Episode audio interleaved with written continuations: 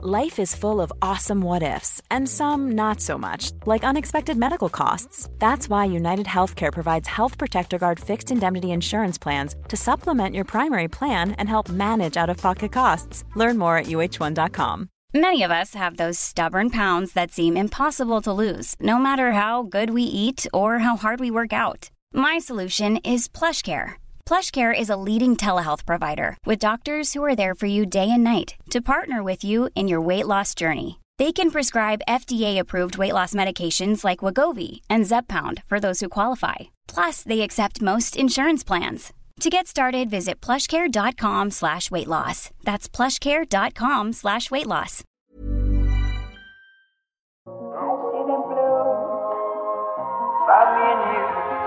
And I think to myself, what a wonderful world.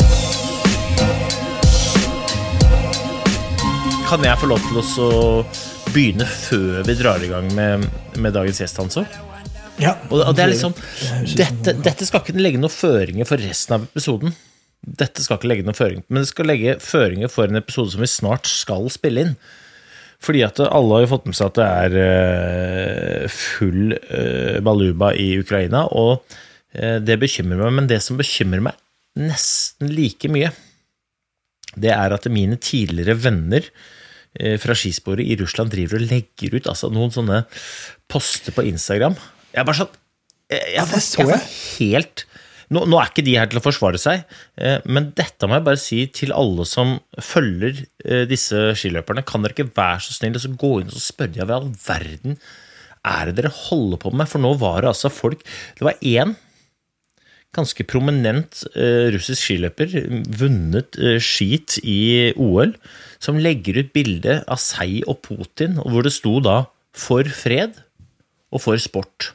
Da gikk jeg bare sånn Hva i all verden er det som foregår? Så før vi drar i gang, så er jeg faktisk så freidig at jeg sier at jeg bare gå inn på de der russiske skiløpere som driver og holder på sånn, spør hva i all verden er det som har skjedd med dere. Mener du dette? Eller Du er du tvunget redd. til det? Nei. Du, du gikk jo inn du, på Instagrammen til verdens raskeste narkoman, han der Ilja Sjernusov, og så starta du altså å fyre løs. Og du, hvor mange drapstrusler fikk du der i løpet av ti minutter? Eh, nok til at jeg måtte ringe noen som holder på med de samme greiene si greit, nå må dere komme. Så nå har jeg en hel gjeng med folk i Baltre, med balltre som står ute i boden her, i tilfelle det kommer noen med balltre mot meg.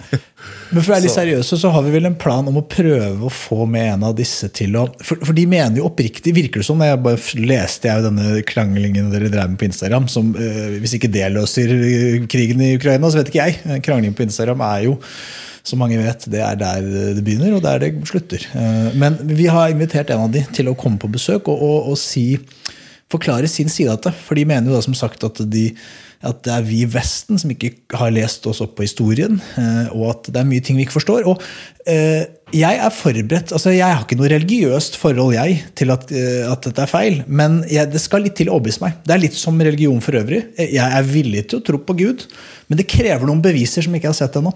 Så jeg tenker vi må gi dem en fighting chance. Ja, og, og, og det er en Jeg er ærlig på det er en episode jeg gruer meg til å spille inn. Jeg, jeg må være ærlig og si det. Jeg, jeg gruer meg fordi Du må holde deg litt i skinnet. Det tror jeg er lurt, i alle fall når du først inviterer dem. La de få sjansen til å si noe. Ja, men det er akkurat det da Akkurat det jeg, jeg gruer meg til Og så er det også eh, en annen side der En ting er at jeg kan bli sint Eller du kan bli sint Eller de kan bli sinte Men det, det, jeg gruer meg mest til Er at når vi er ferdig med den praten Forstår hvor ulik verdensoppfatning vi faktisk har Altså akkurat Mm. det men, men vi har, eh, vi har vært i kontakt med Jeg har vært i kontakt med to av de Og han ene har sagt seg villig til å bli med Så neste uke Da er det bare å Først må jeg lese litt historie, tror jeg Eller jeg vet ikke Ja, men jeg tenker at vi må høre Ja, vi bør jo kanskje være litt, litt på ball, men det er jo noe med å høre eh, Ja, vi må kanskje være litt på ball, du har rett. Vi må, vi må nok komme litt forberedt for en gangs skyld eh, der.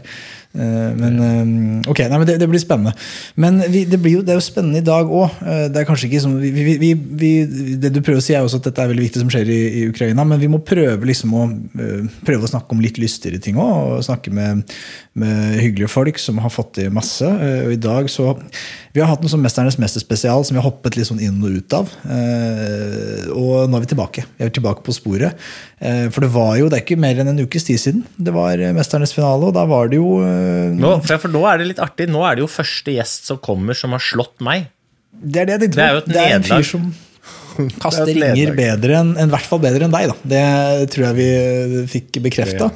Eh, og han, han imponerte jo meg eh, på det, Jeg tror på at dagens gjest eh, Om ikke han liksom hadde vunnet eh, landet og nasjonen før, så gjorde han i hvert fall det. etter den runden her. Han, Du har jo drøssevis av medaljer fra OL og VM og skiflygninger og overalt. Eh, men eh, så hadde jo han en kamp som vi må snakke mye om, som, han, som kanskje er enda råere å vinne. Og det er en ære og glede å ha deg på besøk, Bjørn Einar Romøren. Jo, tusen takk, tusen takk.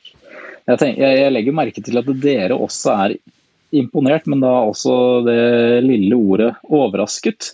Eh, Så nå er det så mange som har fortalt meg at de er så imponert og overrasket at jeg har liksom begynt å tro på at det, det er ingen whatsoever som har trua på meg. Selv ikke min egen kone. Og jeg er litt usikker på skal jeg ta det positivt eller negativt. Jeg velger å ta det positivt. Det syns jeg du skal. Det synes jeg du skal.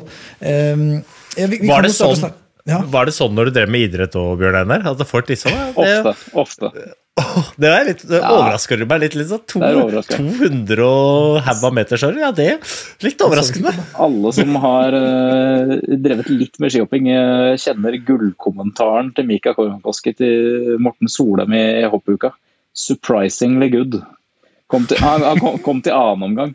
Morten dro ned dit og hadde tenkt å liksom, ja, ja, håpe på topp ti gjennom hele hoppuka. og sånne ting, og Så gjorde han litt dårlig, kom til annen omgang, og så 'surprisingly good'. Det er liksom sånn Altså, du, du får ikke noe større pekefinger enn når hovedtreneren liksom sier at det er dritbra at du kom til annen omgang. Så, ja, ja. Kan vi ikke starte litt med det, Bjørn Einar? Bare Mesternes mester. Du kom jo da til finalen, var jo veldig nærme å vinne hele driten. Hva trodde du selv da du ble med? Hva, ta, ta oss liksom gjennom det. Hva var dine forventninger? Eller forhåpninger?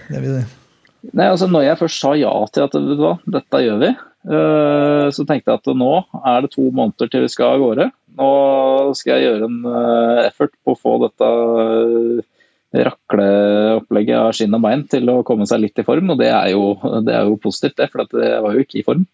Og så fikk jeg en sånn kontra om at nei, det blir med til neste år, du. Tren litt først. Kan ta seg litt dårlig ut på TV hvis vi sender deg nå. Så da, da fikk jeg beskjed om at jeg slapp å bli med.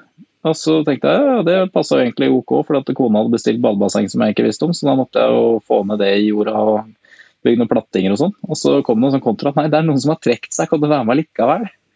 Og da hadde jeg jo liksom blokka ut ferie fra jobben og sånne ting, så sånn, ja, ja, bli med da.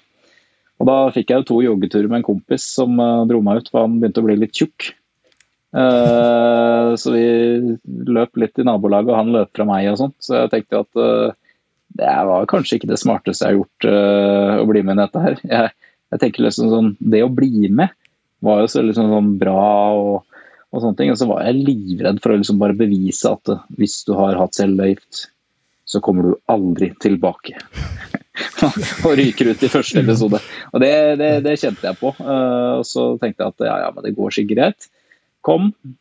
Tenkte første dagen er easy-peasy, få noe klær og noe info og noe greier. Satt meg 90-graderen ut på en brygge. Satt ikke så veldig lenge. Det var noen andre som vi gjorde, og da tenkte jeg at da jeg la meg ved siden av han som da akkurat hadde sittet i en time i 90-graderen, at eh, ja, han har iallfall litt vondt i ryggen. Da. Det er jo liksom det eneste positive jeg kan trekke ut fra dette her. At, det- at det kosta han lite grann. Bitte litt. Så Nei, men jeg, skal innrømme at jeg, jeg kjente veldig på det at øh, det var litt sånn press i forhold til at det er jo ikke noe gøyalt å liksom altså jeg, jeg visste at jeg motiverte og inspirerte i forhold til å bare tørre å bli med, men så er det noe med å liksom Ja. Jeg kjenner sikkert folk som tør å hoppe i Vikersund. eh, men som ikke har noen forutsetning for det. Og det går jo ikke bra.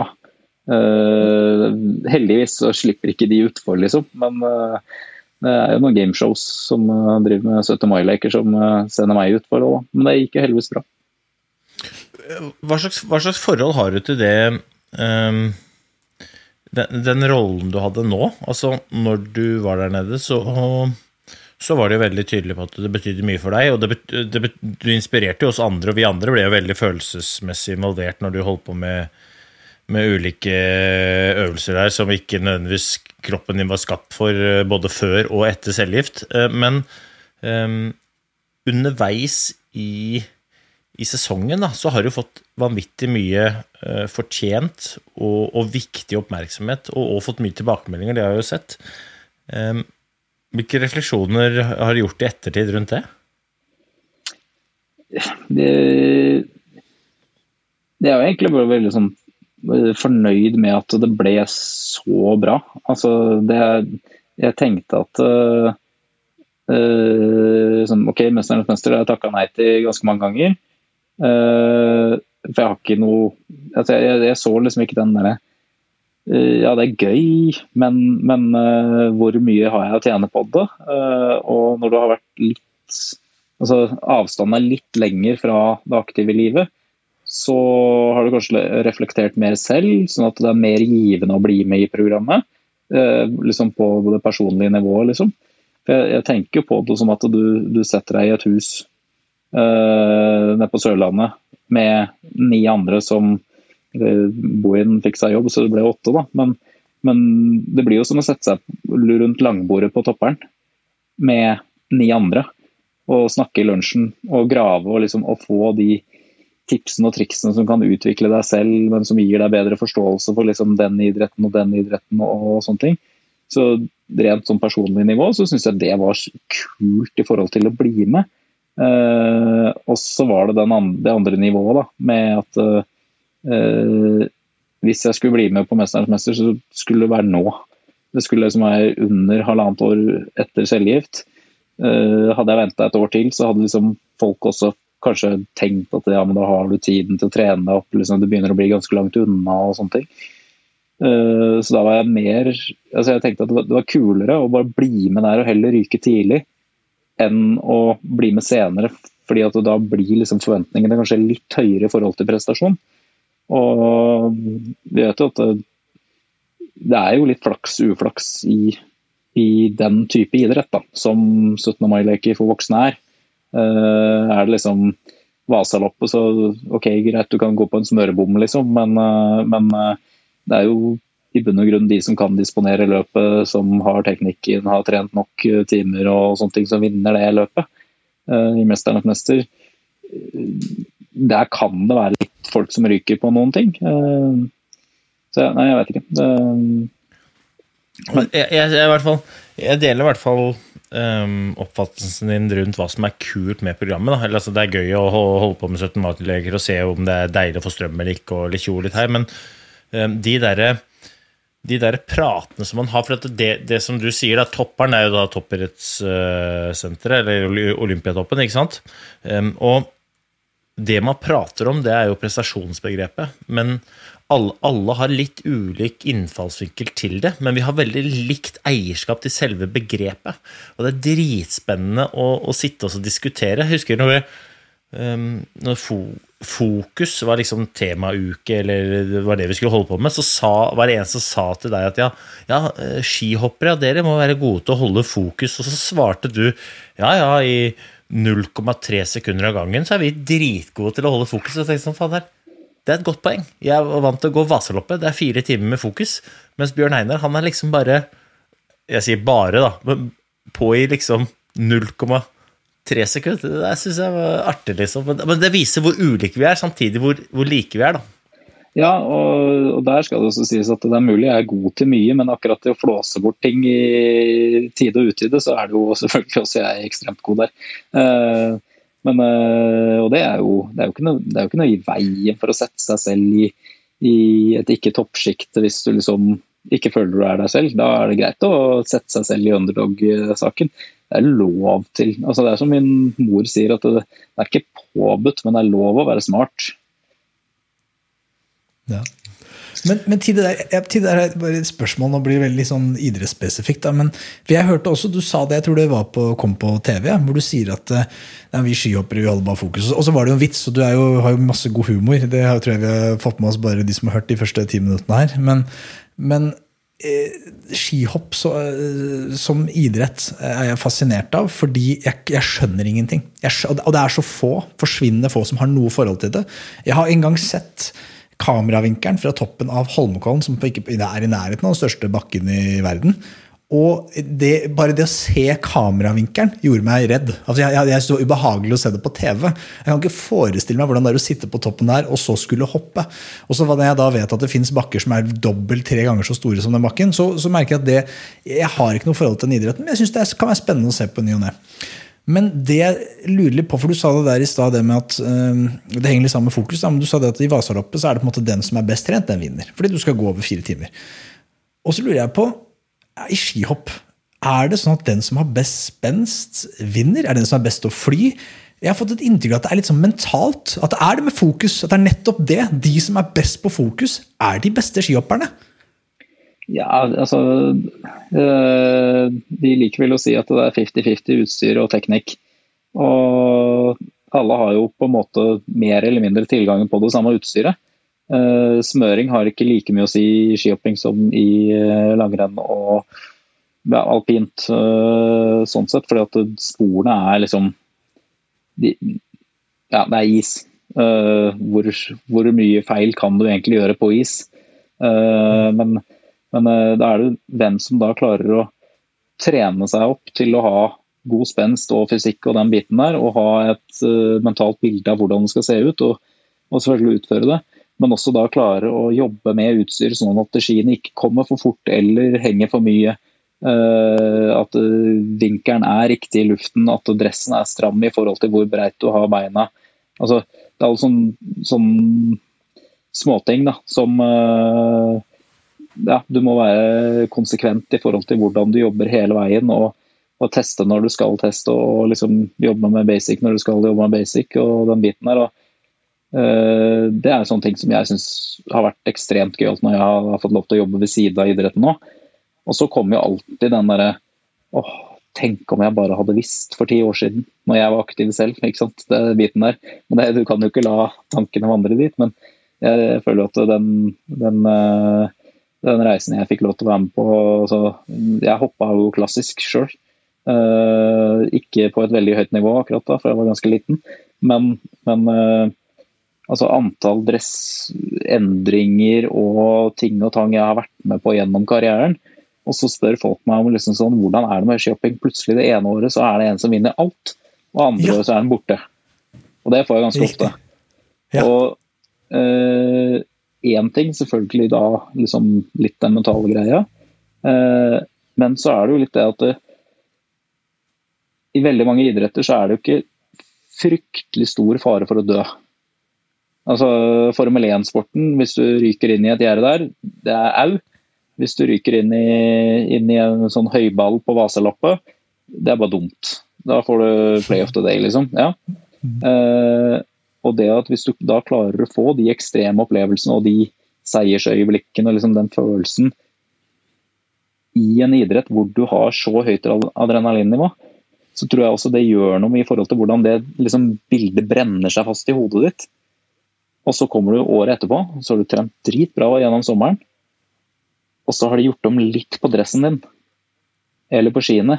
Eller på at du må gå opp en kilo eller to. Altså, den, den lille endringen der. Men så, så, så er vi sånn mennesker, vi faller til, liksom, tilbake til det gamle. Det vi har gjort før og det vi har lykkes med, det, det, det liker vi å hente opp. Og det er veldig bra i noen tilfeller. Men hvis altså, de andre parameterne har endret seg, så er det jævla vanskelig å komme ut av det sporet. Uh, hvis ikke du har en, en, veldig, veldig god oppfattelse av det som er basicen, og er kall det ydmyk, eller hva du skal si, på at uh, det er ikke bare guttene i, i skoa som gjør jobben, det er også utstyret. Sånn at, at du, du, hele tiden klarer å jobbe med det og sånn. Og det, det, er sånn som jeg ser uh, spesielt Granerud nå, i forhold til, til hvordan han jobber og sånn. Noen kan oppfatte han som negativ i sine uttalelser, uh, men han er veldig sånn sånn, Legger vekk litt sånn følelsene på at uh, sånn brutalt ærlig på at uh, jeg gjorde ikke det, jeg skulle gjort det. Tut, tut, tut. Men, men, jeg tror bare sånn småendringer fordi du det, Altså, jeg, jeg, kan ta deg igjen. Altså, jeg, jeg, kan sitte og føle hele 239-hoppet mitt. Og det er ganske mange år siden. Og jeg vet hva jeg kunne gjort bedre. Og jeg, altså, det, liksom, det, er ikke bare at jeg kan huske det, men jeg kan føle det.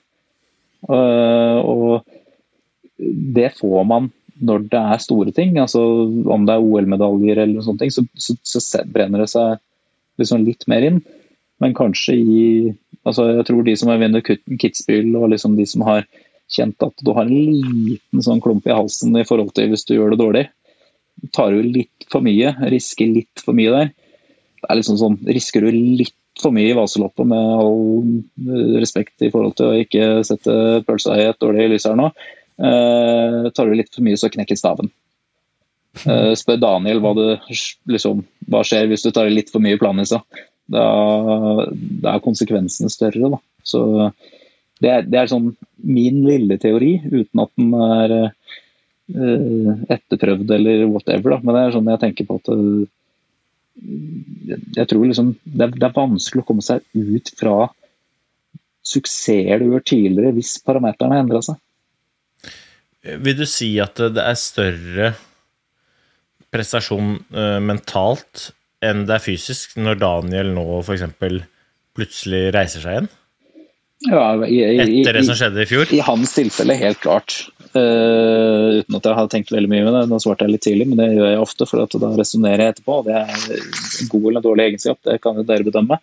Men uh, jeg tenker at det, de fysiske tingene uh, det, det, er sånn Det vet du at det, det er sånn det er, Du taper mye ved å liksom være litt vekk fra trening, men ikke så mye. Det er mye som bor i deg, altså, og du vet hvordan du skal trene deg opp igjen og den biten der.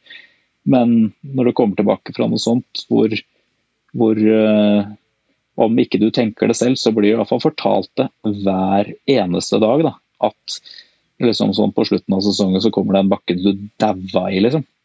Det er liksom ikke, det er ikke, du, du tryna ikke, du knakk ikke i armen eller sånn, du daua.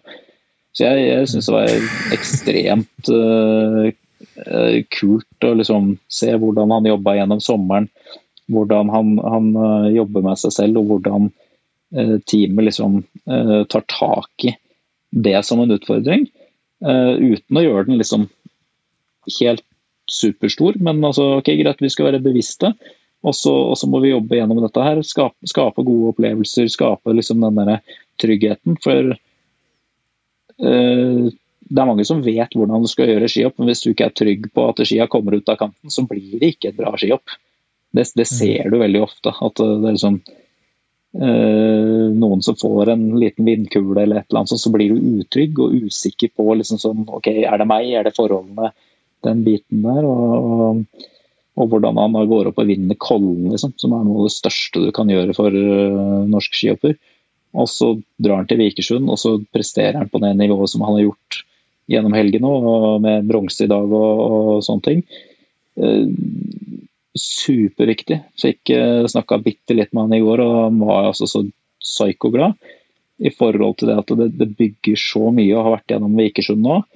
Og så får vi ta Oberstdorf til, til helga, og så får vi se da, om han liksom tar den mon monsterbakken uh, på slutten av sesongen eller ikke. Da. Men uh, alle har jo respekten for uansett hvilken avgjørelse han tar. Men jeg er kjempespent på å liksom se om han setter utfor eller ikke. og i hvert fall med at han klarte å liksom jobbe bra gjennom helgen og ikke og, Ja, hva skal jeg si. Eh, det var ikke noe frykt, det var bare ja, litt, litt ekstra jobbing denne gangen.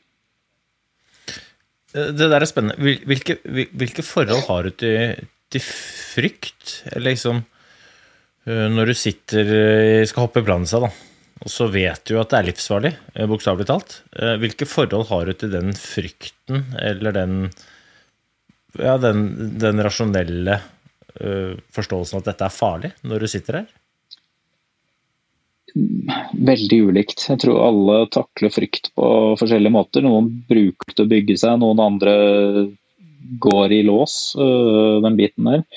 Og så kan man være flå, flåsete og si at enten så må du ikke være redd i det hele tatt, eller så må du være så redd at du ikke tør å gjøre noe feil. Uh, og personlig så har jeg liksom uh, Jeg tror jeg har vært redd et par ganger i hoppbakken. Men da har det liksom vært fordi at jeg har vært litt rådvill. Uh, var vel i, vi snakka om det her forrige dagen, og da tror det var ved, nei, Lillehammer i 2004. så hadde de da liksom, Hele vinteren så har du ett spor på høyre og ett spor på venstre. Og så bytter du litt mellom de i forhold til når du trener, og så kommer du til worldcup som står i midten. Og da er det ting du kommer til som er kjent, men som plutselig er ukjent. Fordi at du har bare Altså, alt av syn og opplevelser rundt dette her blir annerledes. Og så har de kappa hoppet en halvmeter i tillegg. Og det fikk ikke jeg med meg, ikke sant? for det var ingen som gadd å fortelle meg. Det var jo sånn minor detail at pass på hoppkanten er plutselig litt kortere. Og jeg kjente, jeg, jeg, Uansett hva jeg gjorde, så ble det bare rart. og Da husker jeg satt på toppen der. Bare sånn, Hva gjør jeg nå? Sånn, du, du, prøver å finne hvilken endring skal jeg gjøre. Jeg klarte ikke å finne det med, på video, jeg klarte ikke å finne det på, på noe. For at, ja, og så Ok, greit. Grønt lys, flagg vinker. Ok, Da må jeg bare bestemme meg at jeg må bare prøve å gjøre det som jeg vet er vanlig, og satse på at det går bra. Men det er jo ikke farlig Og når jeg kommer til skiflygning så, så tenker jeg at uh, ja, det blåser som pokker. Yes, top notch. Da er det sikkert en mulighet for meg å ha flaks. Hvis jeg bare gjør jobben og er knallhard nå, så kan jeg sette rekord. Altså, uh, det er mulig at jeg er redd, men jeg har aldri opplevd selv at jeg er redd i, i den type setting. Det har bare gira meg, liksom. Og, og da er det sånn eh, sikkert masse smarte folk som har lest mye psykologi, som sier at eh, han tar feil. Han er livredd. Men det handler mer om hvordan du bruker det, enn hvordan det egentlig er. Altså, essensen er jo det du opplever, er vel det som er viktigst. Og så kan du stå etterpå og si at du var dritredd, men klarte det. Eller du var ikke redd, men gira og klarte det. Altså, summa summarum så er jo hvordan du takla det som er det viktige. Da. Men, men har, et, har, man et rasjonelt forhold til risikoen i eh, Eller velger man tenker jeg på team og apparatet rundt òg? Sånn liksom, minner man hverandre på at folkens, vi kan daue i dag. bare så vi er, Det må vi være klar over. Vi tar vi livet med innsats når vi er ute på. Eller er det sånn, velger man å angripe det med at vi kjører, eh, alle andre som sitter og ser på, er livredde for det vi driver med, men vi er noen tøffinger, vi er tøffere enn alle andre, nå kjører vi. Og litt sånn der krigsmentaliteten. Da. Nå går vi i krigen, og vi er ikke redde for noen. Jeg tenker liksom at Den åpningssetningen der, hvis den hadde stått i en motivasjonsbok, så er, da tror jeg kanskje jeg hadde skulle lest den motivasjonsboken. For det er eh, Det føler jeg at eh, selv jeg som ikke har lest noen av de bøkene, føler at det, det må være ganske feil. Litt den derre Oi, du ser litt svak ut i dag. Er du, er, går det bra med deg rett før startopplegget? Uh, uh, nei, uh, det ligger liksom utapå hele gjengen i forhold til at du skal til noe større. Det er det samme som du drar til mesterskap. Du trenger ikke å få høre at fy faen, nå er det viktig. Nå er det OL, ass. Det er dritviktig. Det er, så, det det er, det er bare nedbyggende. Jeg tror øh, vi er, som alle andre idretter egentlig, så prøver de å gjøre det så normalt som mulig. Men i et mesterskap og sånne ting, så blir det jo selvfølgelig mer trykk, mer media, den biten der. Så da er det mer det å klare å få det til å bli, bli vanlig. Og så, ja. Um, når du først kommer ut og liksom setter skia i sporet, så det er ingen som trenger å fortelle at det er farlig. Det ser du sjøl. Nå, nå, som det virkelig står på, da, nå som det virkelig bobler, så tenker jeg at det, um, Krig er selvfølgelig aldri løsningen. Jeg tror alltid løsningen er å sette seg ned og prate sammen. Altså den, er det noe vi trenger nå, så er det den gode samtalen. Er det noe vi trenger nå, så er det at nå må vi bare invitere alle sammen til den gode samtalen over en god kopp kaffe. Altså, Er det noe folk kan enes om nå, så er det at det er god kaffe og en god samtale, det Det må vi få. Nå, det håper jeg bare Coop bare jazzer ut. Få det på. Det er, jo- det er jo delte meninger om vi skal sende våpen til Ukraina, men det å sende kaffe, det tror jeg vi alle kan enes om. Ja. Også hvis det kan eh, lede til gode samtaler, så tror jeg at det er eh, Jeg melder meg faktisk frivillig til å sende et rolig parti med Kenyas eh, sjæl. Da gjør vi det.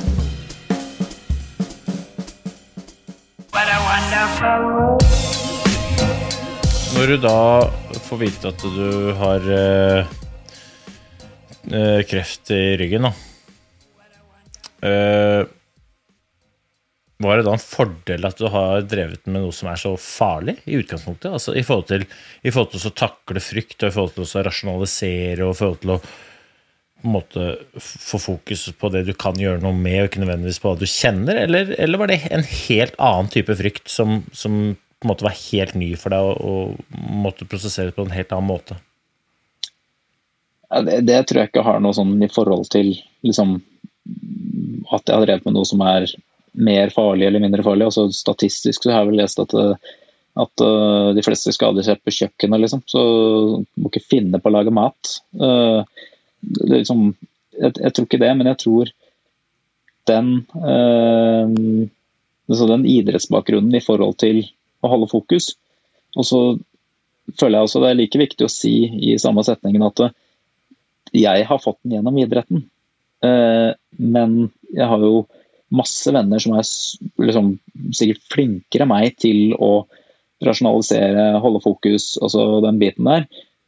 Av altså, om det er skolegang, om det er liksom, jobbsituasjon, om det er uh, bare medfødt. Uh, sånn at jeg tror ikke man må, det er viktig å si man må ikke ha drevet med idrett, men jeg tok med meg mye fra idretten i hvordan jeg taklet min reise gjennom kreften.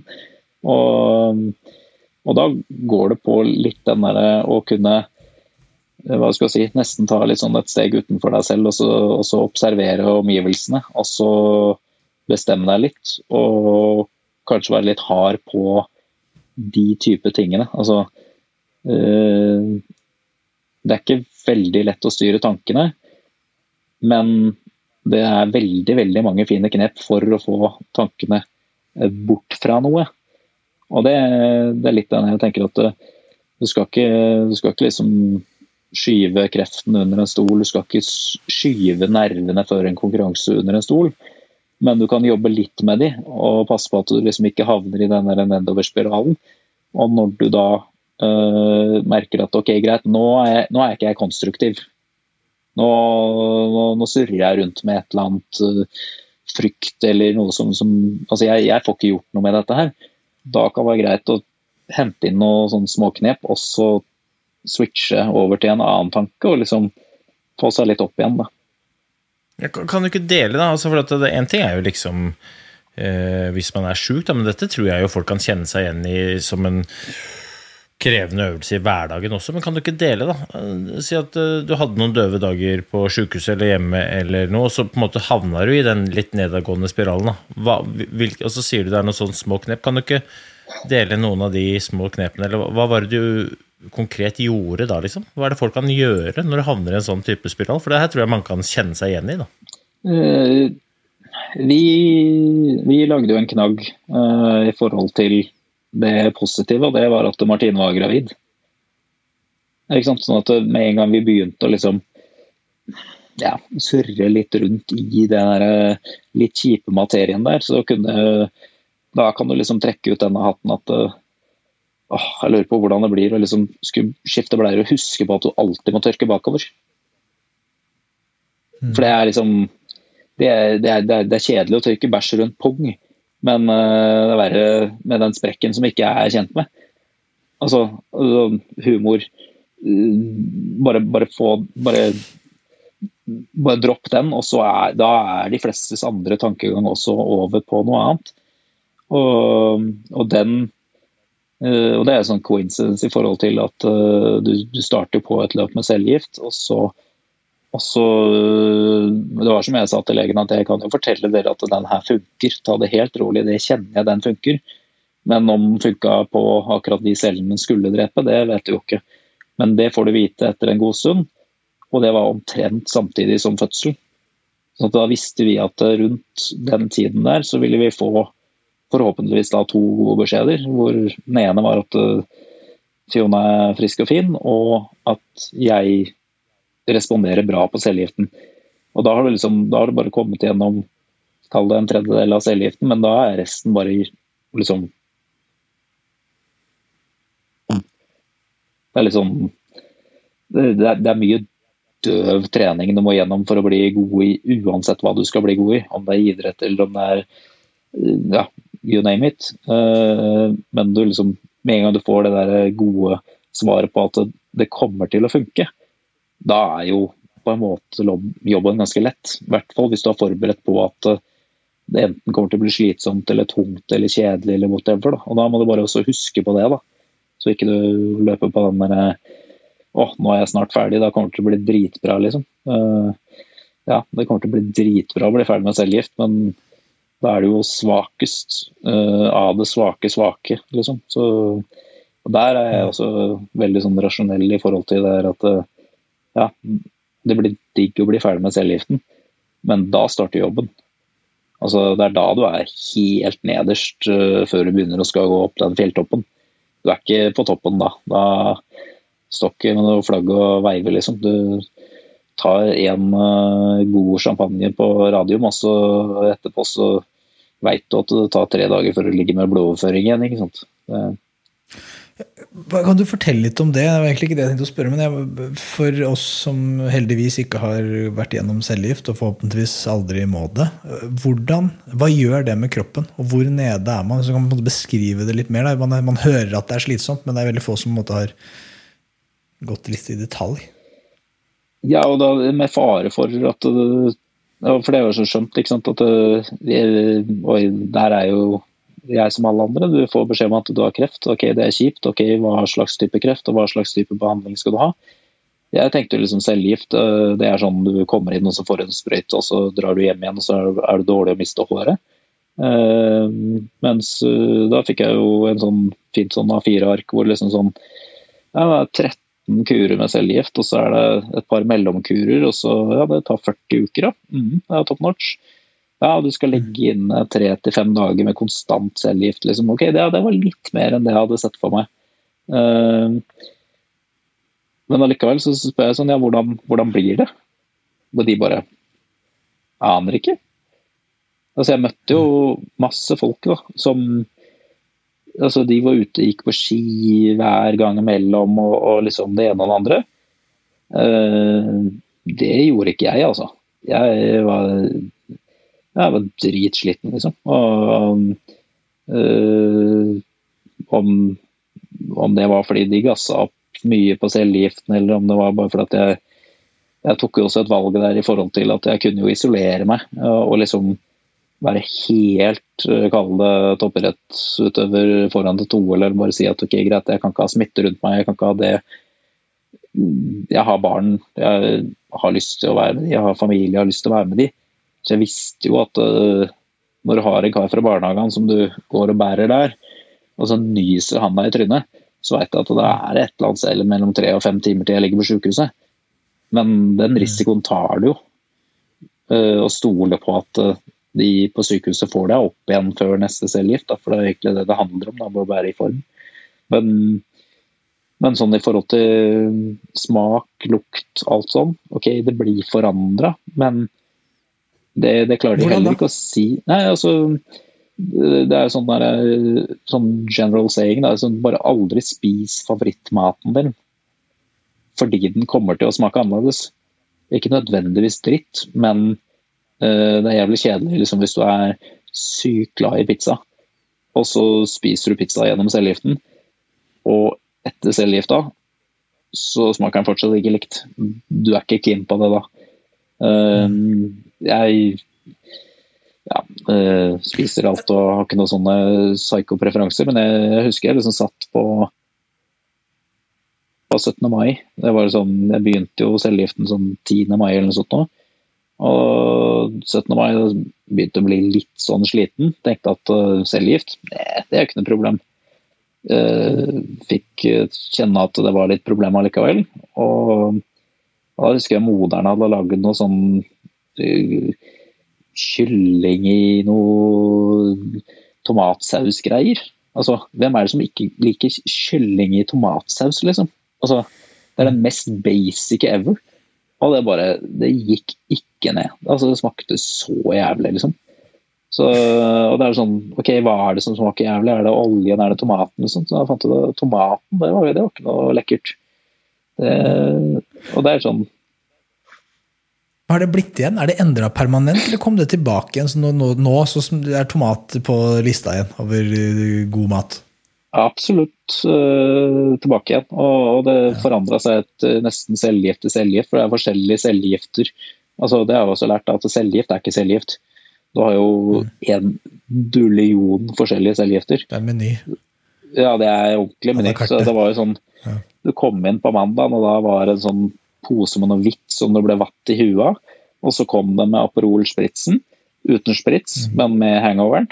Og så kom det en sånn liten gul en som vi kalte Galliano. Uh, og så var det noen andre hvite som jeg ikke vet hva var for noe. Og så var det noen som måtte ha sånn trekk over, for de kunne ikke ha sollys på seg. Uh, og jeg er sånn jeg, jeg, jeg, kan jo noen av de navnene på de cellegiftene, men jeg, jeg, henger meg ikke opp i det. Altså, så lenge ting funker, så tenker jeg at de, de som har hvit frakk, de er smartere enn meg. De kan det. De har lest om dette her. Det kan ikke jeg. Det jeg kan gjøre noe med, det er å uh, ja, være positiv, spise, sove. Uh, liksom den biten der. Og så, så, henger jeg meg ikke opp i om det er to milliliter eller 3000 milliliter. Liksom det, ja, bare spør ok, hva skjer nå? Ok, det kommer til å skje. Ja, da så gjennomfører jeg det. Det, det, er sånn, det er bare min måte å takle på. Kristian, han, kompisen min, han kan alle navnene. Eh, begge to har kommet igjennom det bra. Eh, det er bare forskjellige veier til målet, hva du henger deg opp i, og hva du ja, egentlig bruker eh, energien din på. Han likte å lese seg opp på det og, og vite noe om det. Jeg så lenge det funker, couldn't care less. Jeg, jeg har et spørsmål rundt liksom eh, Når vi blir satt skikkelig på prøve eh, og du, du, var jo ordentlig på prøve, og du hadde jo med denne kompisen din som du refererer til. og jo, Du møtte jo flere som, som, ble satt skikkelig på prøve. Vil du da si at vi tar fram ting vi ikke har? Eller vil du si at vi da bruker det vi har for første gang, eller sånn ordentlig? Altså, det jeg lurer på, er liksom er, er vi i hverdagen, før vi blir pressa til det ytterste, litt for late? Eh, ja, for late eller for late og sånne ting, men jeg, jeg tror at uh, også om det er kreft eller om det er andre ekstreme situasjoner, da, så er det veldig mange som lærer mye nytt om seg selv. Uh, det har jeg iallfall veldig troa på, at, at uh, hvis du kommer plutselig opp i en krise, så plutselig så reagerer du på en eller annen måte, og så kan du stå etterpå og liksom bare Shit, var det meg? Altså, og, og, og noen sånn, altså Det er jo en grunn til at de lærer opp militæret som de skal, for at du skal reagere på én måte. Men alle de andre som ikke har liksom vært ekstreme i den ene eller den andre veien her, altså vi har ikke idrett kanskje, men, men øh, og gjennom idretten så har jeg lært at vi liksom utnytter jo kanskje Altså Hvis du er dritgod, så utnytter du 40% av styrken din. Og så har jeg også skjønt at uh, det mentale er veldig stort i forhold til den derre Med en gang du når en topp, så er den beste tanken du kan ha, at uh, på den andre siden så er det en enda, enda høyere og enda brattere topp. Altså, mm. du, må, du, må, liksom ikke du må ikke slippe deg ned før du vet at det virkelig er over. Eh, for da er det så tungt å komme seg i gang igjen. Sånne type ting. Men Er dette noe du er bevisst nå, eh, i ettertid? Altså jeg, vet jo, jeg kjenner deg som idrettsutøver, jeg vet at du var god på det da, men på måte, nå, nå, som du henta ut enda mer da, gjennom, gjennom sykdommen, er det, no, er det på en måte din superkraft nå? Eh, er du dette like bevisst, eller det, faller det du sa at vi liksom er vant til også, Eller vi liker jo helst å gå tilbake til det vante. Har du nå liksom falt tilbake til litt, litt roligere eh, Bjørn Einar, eller er du, er du, har du fortsatt den styrken i deg til liksom dagens uh, hverdagens utfordringer, når din datter Fiona slår seg helt, uh, går helt i vinkel i Dyreparken, eller ja, altså, på en måte, ha, Har du da den superkraften, eller er den blitt borte? Uh, nei, jeg, jeg, vet ikke om, en, om det er noen superkraft, men det å være bevisst gjør kanskje noen situasjoner litt lettere å takle. Uh, så skal jeg ikke si at jeg takler alle de kjempebra, i hvert fall ikke når hun terroristen slår seg frem. Men, uh, men uh, jeg, jeg, er Og det får jeg kjeft fra fruen om at det, liksom, kan du ikke være bare litt entusiastisk, liksom. Jeg vet jo det at hvis du syns det er dritt med bleier Når de slutter med bleier, så er det bare de, de begynner med noe annet. Altså det, det, altså det, er kanskje litt sånn negativ tankegang på det, men det er litt den derre at, øh, at livet kommer til å liksom, gi deg utfordringer hele veien. Det, altså, sånn er det. Sånn at Og du skal ikke ikke glede deg over alle seierne, men, men vær litt bevisst på at det, det, er noen andre utfordringer som kommer, og, og den biten du, som du også skal takle. Og så håpe at du liksom mm, på en måte takler de bra og tar de på strak arm og, og, hva du skal si. Men, men akkurat i den derre der, Det er ikke over før det er over-opplegget, den, den, den, den, bruker jeg hele tiden. Altså, det, det, er meg av natur. Det er som alle sier, liksom, når, når de spurte om du skal ha hjelp og liksom ikke ville ha hjelp og sånn. Altså, ja, jeg hadde slitt i akkurat like mye uten cellegift, og jeg hadde sagt akkurat det samme uten cellegift også, i forhold til at jeg skal ikke ha hjelp på den. Det er mer meg som, som person. Uh, og kanskje også derfor jeg ja, på en måte takla cellegiften bra og liksom kom gjennom den perioden med godt, uh, godt opplegg. Og, og så valgt, falt jeg tilbake til mitt vante der hvor jeg ikke trener, men er aktiv. Og derfor så kom jeg også i OK form nok til å gjøre de tingene som jeg har lyst til å gjøre. Og berga gjennom mesteparten som ikke hadde 30 kilo sandsekker involvert i 'Mesterens mester'. Mm. Jeg, jeg, jeg, lurer på en ting rundt det med å Du har jo nektelig liksom stått der med om sett døden litt i hvitøyet. Det er det man gjør når man får, ble diagnosert med kreft. Og Øystein også var jo Når man får hjernehinneblødning, så er det som sånn Veldig mange trenger en sånn type opplevelse for å gjøre drastiske endringer med livet sitt. Eh, og så jeg husker jeg ble spurt om det når du var med Øystein. så var det noen som sa, men hva, hva, skjer nå med Øystein? Altså Når han kommer tilbake, Hvis han kommer tilbake, endrer han alt nå? Slutter nå? Gidder han ikke å Hva gjør han nå? liksom? Endrer han noe? Så, så, helt ærlig, så, sånn jeg kjenner han, så tror jeg han kommer til å gjøre nøyaktig det samme. For jeg tror han, jeg tror han hadde knukket litt den koden før han fikk hjernehinneblødning. og kan du snakke på vegne av deg selv, Øystein. Men det, gjorde du noen sånne betraktninger, Bjørn Einar? At det var noe sånn Ok, shit, livet det er sårbart. Eh, og det greiene jeg har drevet med her borte, det skal jeg slutte med. For det gir meg null. Jeg skal begynne med dette. Jeg det pleier å svare at eh, vi var ganske gode til å vite at det er flere hverdager enn helgedager liksom før jeg ble sjuk. Kona er nok enda bedre på det. Hun er jo liksom veldig den derre Ja, men nå kliner vi til, herregud, du kan bli påkjørt av bussen i morgen. Altså, jeg aner ikke hvor gang jeg har hørt om blåtrikken. ikke sant? Så jeg sier, ja, Vi har flytta til Bærum, det er ikke trikk der engang. liksom. Men, mm. men uh, hun er veldig liksom på det, og så er jeg kanskje litt mer nøktern. Uh, skal analysere og lage Excel-ark over alt mulig rart vi skal gjøre og sånne ting. Uh, men så jeg, jeg tror nok det har Altså, det er en endring hvor jeg av og til tar meg selv i det at ok, greit, det er ikke lurt, men det driter jeg i. Nå skal vi bare ja, nyte av litt, og så, så, lenge ikke det liksom går utover noe fryktelig mye annet og liksom er helt hodestups risiko på, men, eh, men uh, endring blir det ved en sånn, gjennom altså en sånn opplevelse. Og så tror jeg nok litt sånn i, i utgangspunkt, altså utgangspunktet ditt er veldig uh, hva skal jeg si, ja, avgjørende i forhold til hvor stor den endringen blir. Da.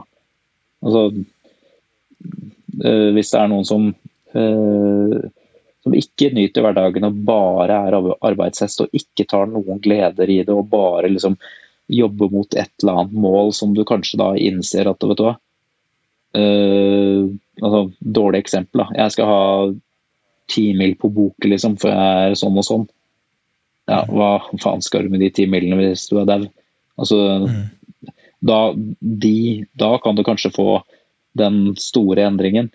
Men flesteparten av oss har jo liksom med god mening i livet og, og, og kanskje da bare velge bort noen småting. Er kanskje litt flinkere til å prioritere i forhold til, til, til de tingene som du allerede vet er viktige, men som du av og til, før du gjennomgår en sånn opplevelse, glemmer litt. da. Det, hvis det er et godt svar, eller et dårlig svar. Eller ja, for det, i hvert fall et svar. Det resonnerer i hvert fall veldig med det jeg både følte, tenkte, erfarte og også sier. Altså, det er lett de derre de, de hverdagsopplevelsene som man kanskje ser på som litt sånn kjas og mas. Altså det være seg å få ungene på skolen, eller lage matpakker, eller legge de i senga, lese for de liksom. Hvis det er mye rundt, så så kan disse småtingene være litt sånn som man ser på som litt sånn styrete. Eh, Men jeg husker at jeg Mitt første mål eh, når jeg hadde kommet meg hjem fra sjukehuset, var å følge til skolen. Og jeg var altså så glad når jeg orka å følge de ned til skolen, stabbe meg tilbake og legge meg på sofaen. bare sånn, Det der er viktig. altså Så tror jeg at det er de tingene der man eh, mister når man i hverdagens kjas og mas gaper over litt for mye. Da mister man de tingene, og så har man ikke tid til å følge til skolen. eller Man har ikke tid til å være med på en trening. Man tid, man, tar, eller, man har tid, men man tar seg ikke tid. Og så når man får en sånn opplevelse som eh, kan være slutten på visa, men som da viser seg ikke være det, så tror jeg man blir litt flinkere til å i hvert fall en liten stund prioritere de tingene. Og så tror jeg, eh, som du sa i stad, Bjørn, Bjørnar, at man, man har en lett til å fange, falle liksom tilbake i det samme gamle mønsteret. Hvis man ikke er disse tingene bevisst, eller hvis man ikke minner seg på det, hvis man ikke sier 'faderen', men dette er viktig, for det kommer en haug av distraksjoner, kommer haug av muligheter og tilbud og tjo her, men min erfaring er i hvert fall at hver gang jeg sier ja til noe jeg burde ha sagt nei til, så ender det ut over å gå mest utover de folka jeg aller mest eh, bryr meg om. Ja, nei, det er, eh, og så er det litt den derre Jeg tror de fleste egentlig vet det. Altså Som du sier, i hvert fall i den perioden etterpå, så er det kanskje litt sånn hallelujah-stemning rundt det. Men, eh, men da er det å, å prøve å bevare det. Jeg har alltid liksom hatt den tankegangen at, eh, at uh, hvis du ikke blir med på disse små tingene, da, uh, så i hvert fall når det gjelder folk, så, så kommer du til å angre på det senere, for det er ting du ikke kan ta tilbake. altså håper jeg det er en grei tankegang i forhold til at jeg ikke er like ivrig på å delta i husvask og, og andre sånne type ting. For at eh, jeg føler at det, det kan jeg alltid ta senere. Det, den skitten, de hybelkanenene, de kan du bare begynne å gi navn til etter hvert, og så, og så kan du ta det, av det da. Men, eh, men, eh, men eh, å være med på, på den eh, første slalåmtreninga eller eh, den skolekonserten eller altså, sånne, sånne type ting, det tenker jeg at det er, det er sånn uh, Du kommer til å angre så fryktelig mye. Det kan godt hende at det ikke har så mye å si, men, men plutselig så er det akkurat den lille tingen som betyr noe for, for deg eller for de andre, og, og knytter de båndene som, som blir spesielle. Da. Eh, og da får eh, Herman uh, hybelkanin eh, ligge litt borti kroken, og så får jeg få kjeft av det av kona. Jo, men akkurat det der tror jeg er drita viktig poeng. Og dette, ikke, ikke for å si det som om det høres ut som jeg ikke bryr meg om å rydde, men jeg skal love deg at det er ingen som har ligget i et sånt ambulansehelikopter, eller ligget i en sånn vaskemaskin som du måtte gjennom, Bjørnar, og tenkt ja, ja. Det var i hvert fall bra at det er rydde hjemme. Altså, det er liksom Det, det er altså så men, men, men vi har en tendens til å glemme disse hva, hva i all verden er det som er viktig? Og så bruker vi så mye tid, så mye energi, så mye ressurser på ting som kanskje føles viktig, for det er litt sånn staffasje. Det handler om status, det handler om hvordan vi ser ut, det handler om fasade. Og så glemmer vi hva som faktisk betyr noe. Og det er jo tid brukt sammen med de folka du faktisk bryr deg om. Det er jo relasjoner du skaper, det er jo atferden du har. da, og um, jeg tror, jeg, jeg tror, alle sammen har godt av den der påminneren. Mange har spurt meg, så, samme som du, altså, liksom, ja, ja, hva gjorde hjerneblødninga med deg? Liksom? Ja, nå ser jeg vel ting litt annerledes. Jeg bare sånn, Tror du du blir mye smartere av å få hjerneblødning? Eller tror du at kreft gjør deg veldig smart, liksom? Du blir, eh, du blir skalla av kreft, og du blir ofte litt sånn rar av hjerneblødning. Du blir ikke noe smartere av det. Men du får syretesta noe som alle sammen vet, og det er at tid det er ikke noe vi har ubegrensa av. Og noen sier at tid er penger, og hvis tid hadde vært penger, så hadde ikke folk sløst så mye med det som de faktisk gjør. Hadde det vært tusenlapper, så hadde det ikke gått og kasta tusenlapper ut i gata, sånn som vi ikke sløser tiden vår. Det er jeg helt sikker på. Og så er det litt den her i forhold til øh, Altså, når man har gått gjennom noe sånt, da, så, så blir det nesten litt sånn trykk på at du skal endre så ekstremt mye, og du skal være så ekstremt liksom, på på type ting, og det tenker jeg at det er ikke nødvendigvis uh, fasit med to streker under svaret, det heller. Uh, og sånn i forhold til sånn, Hva er målet ditt, da? Uh, ja, selvfølgelig du blir svekket av en sånn ni måneders versjon. Men det er liksom sånn Er målet mitt å Mister vi deg litt? Mista vi deg litt mm. på slutten Vi Må gjenta det siste der. Jeg sier at det er målet ditt uh, at du skal bli bedre trent enn tidligere, eller er målet ditt at du faktisk skal uh, kunne følge opp barna dine, kunne være med på de tingene, uh, kanskje et par sånne småting du ikke har fått gjort tidligere, I don't know. og det er liksom Jeg har jo ikke trent, etter min mening, etter, etter cellegiften, men jeg har vært fryktelig flink til å være Eh, med barna, utnytta tiden godt i forhold til å, å, si at ok, greit, skal vi på en tur, så ok, hvis den ser litt lett ut, så hiver jeg opp et kamera i sekken eller en ekstra vannflaske, sånn at jeg får litt mer ut av alt jeg gjør. Uh, bare være litt sånn smart på det. Men jeg har jo ikke sett innsiden av et treningsrom. Og så er jeg i ganske ok form, men, men uh, jeg har gjort det på en måte som har liksom hele tiden gitt meg mye, da. Og, og da uh, litt den der biten. Jeg har ikke prioritert å løpe på et treningssenter når barna mine er hjemme. Altså, jeg har, jeg har to perfekte personlige trenere. Altså, hvis du bare er sammen med de, så blir du jo sliten. Uh, både mentalt og, og, og fysisk. Og det er litt den der at uh,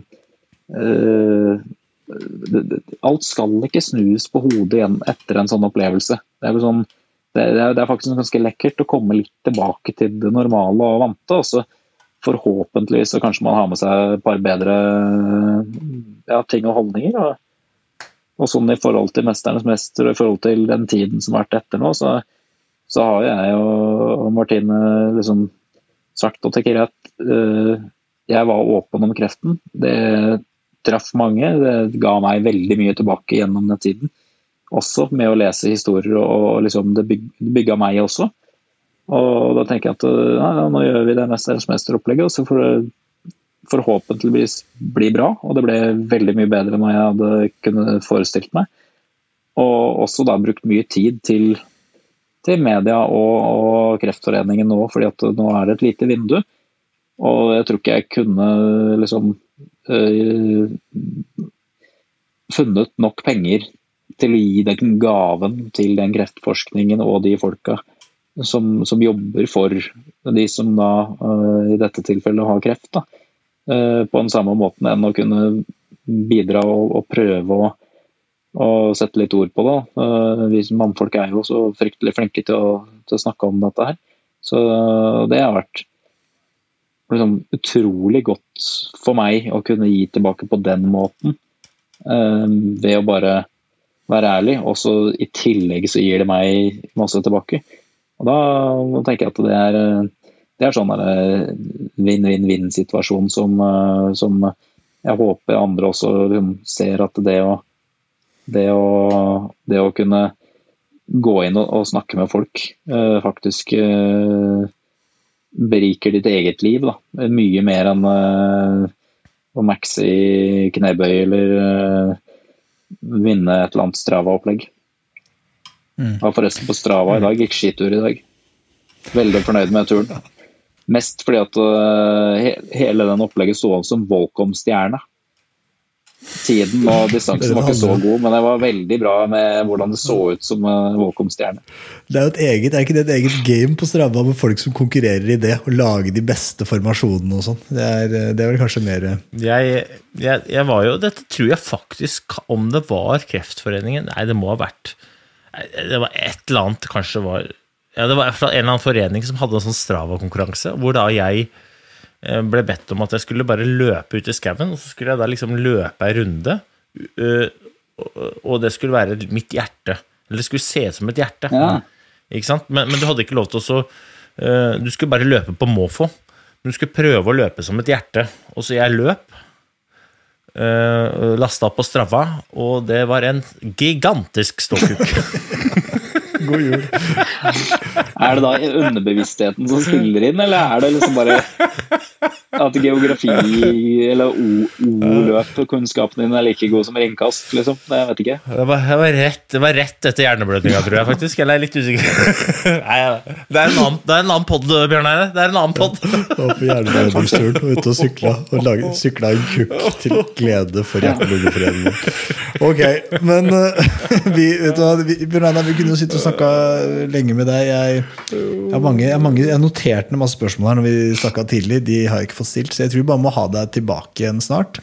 Eh, du, vi setter jo pris på at du, du er jo en mannemann. Eh, så det er klart, du, som du sa, det er jo ikke Menn snakker jo ikke så veldig om eh, sånn kreft og følelser og sånn. Jeg føler vi klarte å lire litt ut det. Jeg tror i hvert fall det er, var meningsfullt for meg. Jeg håper jeg det er for andre òg. Så får man støtte Kreftforeningen. Det er sånn på generelt prinsipielt grunnlag. Selv om man ikke har hatt kreft eller har noen i nærheten som hatt det, så, så burde vi for lengst klekke ut og løse den der gåta der. Da. Det er synd og skam at det fortsatt skal være en eh, problem. Det må, ha.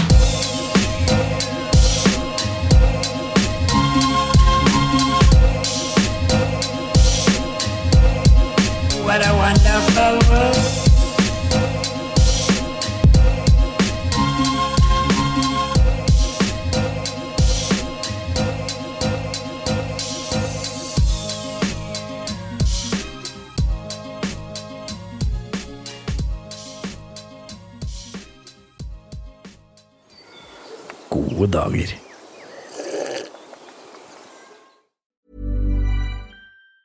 The secret to visibly firmer, summer ready skin is here. Osea's number one best selling Andaria Algae Body Oil, clinically proven to instantly improve skin elasticity and transform dull, dry skin to silky, soft, and unbelievably glowing. Rich yet never greasy, Andaria Algae Body Oil is formulated with sustainably sourced seaweed to help replenish the skin's moisture barrier and seven nourishing active botanical oils for results you can see and feel all over. The best part? Its signature scent. A blend of freshly squeezed grapefruit, cypress, and mango mandarin transports you to sun kissed summer days. This all natural scent is unforgettable. Everything Osea makes is clean, vegan, cruelty free, and climate neutral certified, so you never have to choose between your values and your best skin. Get healthy, glowing skin for summer with clean vegan skincare from Osea. Get 10% off your first order site wide with code GLOW at OseaMalibu.com. That's OSEAMalibu.com code GLOW.